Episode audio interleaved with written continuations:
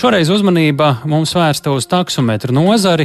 Viens no būtiskiem spēlētājiem vai zīmoliem, kurš līdz šim bija bieži redzams Rīgas ielās, šobrīd izskatās tāds vairs varētu nebūt, un arī pastiprināti tiks pārbaudīts, vai pārvadātāji neturpina izmantot Yandex Go lietotnes vai servisa pakalpojumus.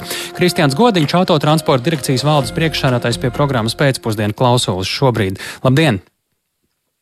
Labdien! Nu, atgādinām īsumā, kāpēc un kas tieši ir apturēts attiecībā uz Yandex zīmolu un taksometru pakalpojumiem. Jā, lēmums arī ir pieņemts un lēmums ir stājies spēkā no šodienas. Attiecīgi, autotransporta direkcija saskatot pārkāpumus autopārdājumu likuma prasībām, ir izslēgusi no tīmekļa vietņu reģistra Yandex Go platformu un attiecīgi arī pieņēmis lēmumu par, par, par darbības bloķēšanu. Un esam vērsušies arī elektronisko sakaru operatoru pie operatoriem, lai viņi veiktu savas darbības, attiecīgi, lai šī iz, iz, izsaukšanas iespēja nebūtu uh, iespējama. Mēs esam arī pārbaudījuši šo brīdi uh, darbība ir apturēta un, attiecīgi, nav pakalpojums, pakalpojumu iespējams izsaukt. Un, tādā ziņā jāsaka, ka uzņēmums ir ņēmis vērā vismaz uz šo brīdi mūsu lēmumu. Uzņēmums ir paudis arī, ka, ka attiecīgi pārsūdzēs to lēmumu, bet tas nenozīmē, ka šo, tas lēmums nav spēkā. Ja? Tas lēmums ir spēkā un, un attiecīgi jāievēro. Un es vēl gribu īpaši vērst uzmanību tieši pašiem gala pakalpojumu sniedzējiem, jo ne Bolts, ne Jāndeks nav tie fiziskie pārvadātāji, bet ir platformas. Tad gala pakalpojumu sniedzējiem noteikti ir jāievēro arī šī prasība, jo normatīvie akti paredz, ka nedrīkst strādāt ar tīmekļa vietnēm, kas nav reģistrētas reģistrā. Ar to, par to draud attiecīgi gan naudas sods pārvadātājiem, šī gadījumā šoferim tie būs līdz pat 650 eiro pa gadījumu, un izslēgšana no taksometra vadītāja reģistra, kas nozīmē, ka šofers nav tiesīgs strādāt šajā jomā un biznesā. Un attiecībā uz uzņēmumiem tās, tas sots ir līdz 1400 eiro un licences anulēšana, kas nozīmē arī pārvadātājs nav tiesīgs piedāvāt savus pakalpojumus. Nu, te, protams, klausoties šo, man maza disonance rodas.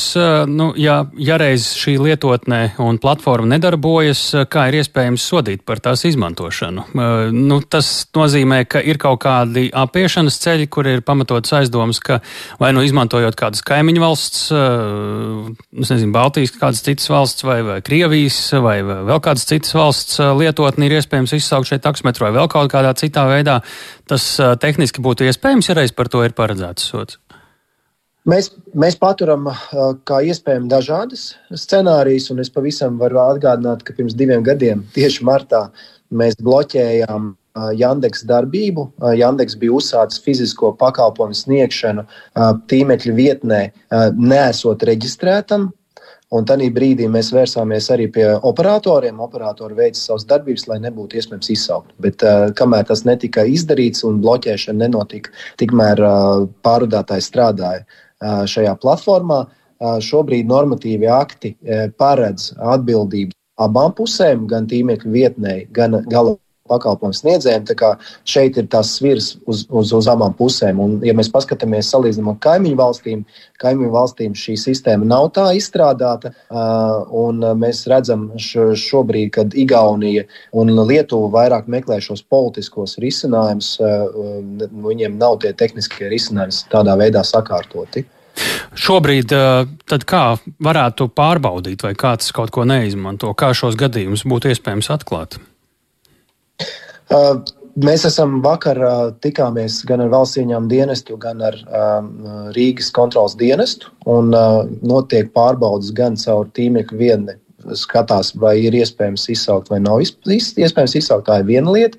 Tāpat ir paredzēts arī fiziskās kontrolas uh, uz, uh, uz ielām. Uh, kontrolas dienestam arī attiecīgi veicot pārbaudas un apturot un, un tādā veidā sekojot līdzi. Mēs esam vērsušies pie visiem mūsu taksometru vadītāju reģistrā iekļautajiem vadītājiem, pievērst uzmanību, lai noņemtu Jandeks uzlīmes, lai nemaldinātu sabiedrību, jo sabiedrība var ieraudzīt uzlīmes un padomāt, ka Yandex turpina strādāt un darboties, lai gan, pieņemsim, platforma ir apturējusi mm. savu darbību. Kā, šobrīd šobrīd jau ir notikušas pirmās pārbaudas.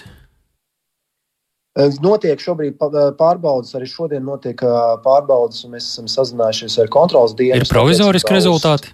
Iespēju izsaukšanu. Šobrīd nav bijis iespējas izsaukt taksometrus caur šo tīmekļa vietni. Mm.